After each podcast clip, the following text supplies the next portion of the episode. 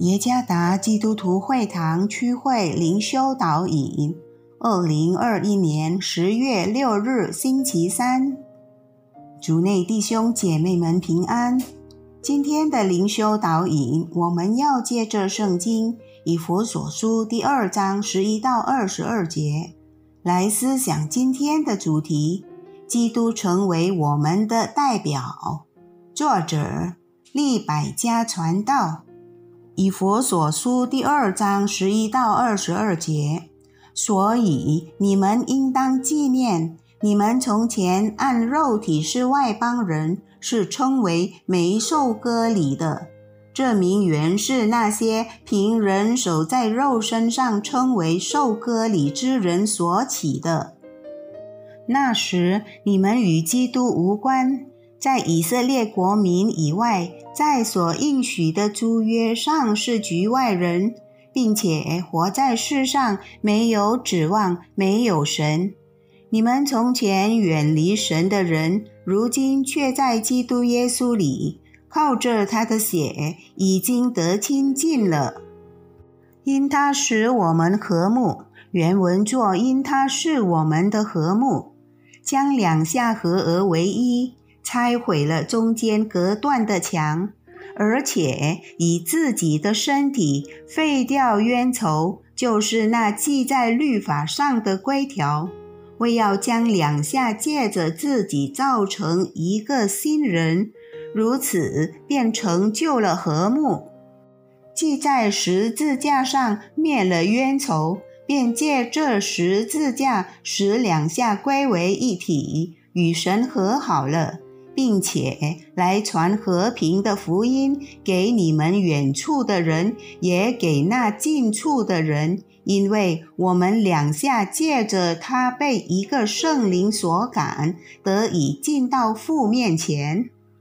这样，你们不再做外人和客旅，是与圣徒同国，是神家里的人了。并且被建造在使徒和先知的根基上，有基督耶稣自己为房角石，各或作全房，靠他联络得合适，渐渐成为主的圣殿。你们也靠他同被建造，成为神借着圣灵居住的所在。二零二零年东京奥林匹克运动会。于二零二一年七月二十三日至八月八日举行，全球共有两百零五个国家参加。是因印尼的代表在羽毛球女子双打赛项目中成功的获得了金牌，印尼全国都为之振奋。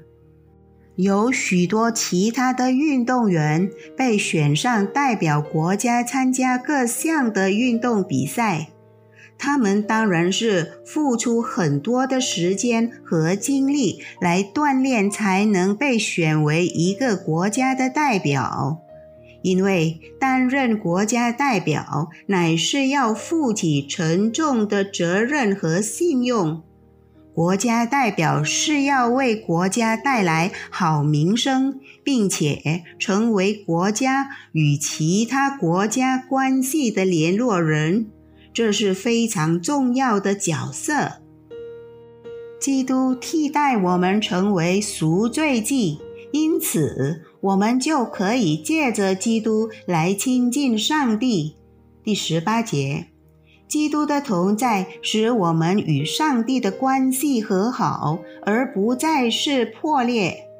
当基督成为我们的中宝时，许多的事改变了。我们得到了上帝的应许，拥有指望和上帝的同在。第十二节，从前与他人的关系远离，如今却靠着他的血已经亲近了。第十三节，基督将因民族、种族之间的猜疑和仇恨，中间隔断的墙拆毁了，如今已成为天国家里的一家人。第十九节，这事也影响我们对上帝的敬拜。我们与上帝之间，我们与他人之间再也没有间隔了。既然我们是他的子民，就能够直接的向他祷告、敬拜，借着耶稣基督能与上帝沟通。往往有限的我们不能完全的明白上帝的恩典，但是透过我们觉悟，耶稣基督已经成为我们在上帝面前的代表，理当使我们更加向上帝感恩，以及更勤奋服侍和敬拜他。我们是否曾因基督的同在？而使我们与上帝以及他人之间能和好而感恩吗？我们是否愿意更恳切、真诚地向上帝敬拜？